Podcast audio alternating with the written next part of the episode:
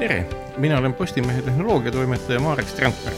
teise juuni äh, Postimehes, äh, paberlehes avaldamegi juba lubatud New Scientisti artikleid ja sedapuhku kirjutab äh, Steven Batterby uskumatult põneva loo kvantinternetist. no kõik me oleme kuulnud kvantnähtustest ja veidrustest, mis sellega seotud on. Batterby avab meile sootuks uue valdkonna, näidates väga selgelt seda, kuidas kvanttehnoloogia ei ole pelgalt füüsikute, teoreetikute või filosoofide pärusmaa, vaid sellest on saanud tööriistad, millega päriselt ehitatakse erinevaid masinaid, millega on võimalik siis väga edukalt krüpteerida ja edastada informatsiooni väga kiiresti, töödelda andmeid ja kirjeldab ka riske, mis sellega seotud on. no näiteks üks, millele tasub tõsiselt mõelda, on see, et kui keegi tänasel päeval hakkab näiteks salvestama kõikvõimalikke krüpteeritud andmeid arhiive ja mida iganes muud, siis võib juhtuda, et juba kümne aasta jooksul on olemas tehnoloogia, millega kõik see krüpteeritud informatsioon nii-öelda avalikuks ja loetavaks muuta. see on üks ohtudest.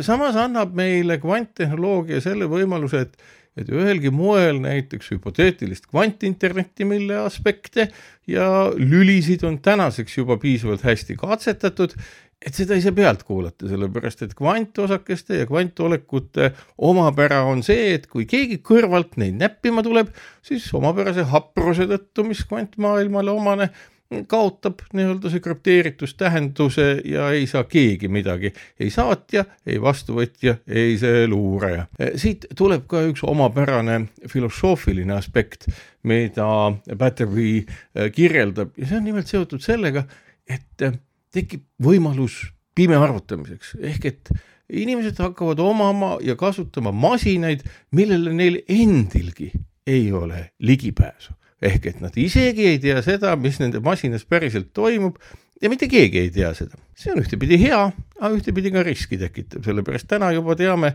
et on olemas tume veeb ja siis, mis juhtub, tume veeb läheb veel tumedamaks ja äh, seal tehakse veel kummalisemaid asju. teistpidi muidugi annab kvanttehnoloogia ja kvantarvutid meile võimaluse, et ka igasuguse kurjuse vastu on võimalik luua oluliselt tõhusamalt kõikvõimalikke vastumeetmeid aga igatahes lugege ise nii võrgust kui paberväljaandest kvantinterneti koidikust ja sellest, mis sellega kaasas käima hakkab. ah jaa, üks asi veel Patrick loo juurde. nimelt kirjeldab ta küllaltki põneval moel seda, kui kaugele on tänaseks päevaks jõudnud hiinlased oma kvanttehnoloogia ja kvantkommunikatsiooni arendamisega. ja see on šokeerinud nii mitmeidki lääne õpetlasi, insenere ja ilmselt ka poliitikuid. kvanttehnoloogiatega jätkates annavad Hollandi Delfti ülikooli õpetlased teada, et neil on õnnestunud tavatul moel väga tugevate elektriimpulssidega kahte kvantosakese paari, mis on titaani aatomid, mõjutada sellisel moel, et äh, senine väga keerukas kvantarvutites kasutatav äh, siis mikrolainega signaalide saatmine ja vastuvõtmine võib asenduda üsna robustsete elektriimpulsside andmisega. nimelt avastasid nad, et kaks ülilähestikku, nimelt äh, ühe nanomeetri kaugusele teineteisest paigutatud titaaniaatomit, on mõjutatavad sel moel, et kui ühte tugeva vooluimpulsiga mõjutada, kandub nii-öelda spinni muutus, mis kvanttehnoloogias oluline, ilma olulisi häireid tekitamata üle teisele aatomile ja see võib olla võti täiesti taskukohaste ja toatemperatuurilgi töötavate kvantarvutite loomiseks.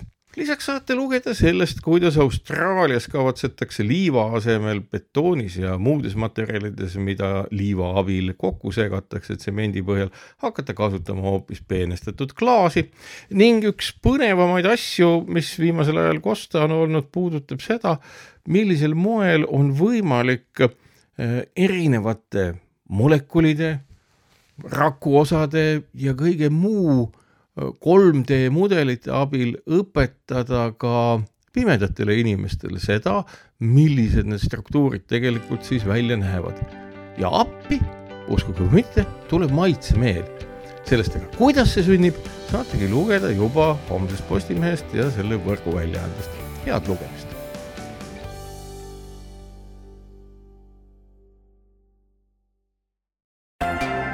Kogu saade on kuulatav Postimehe digipaketi tellijatele veebilehel podcast.postimees.ee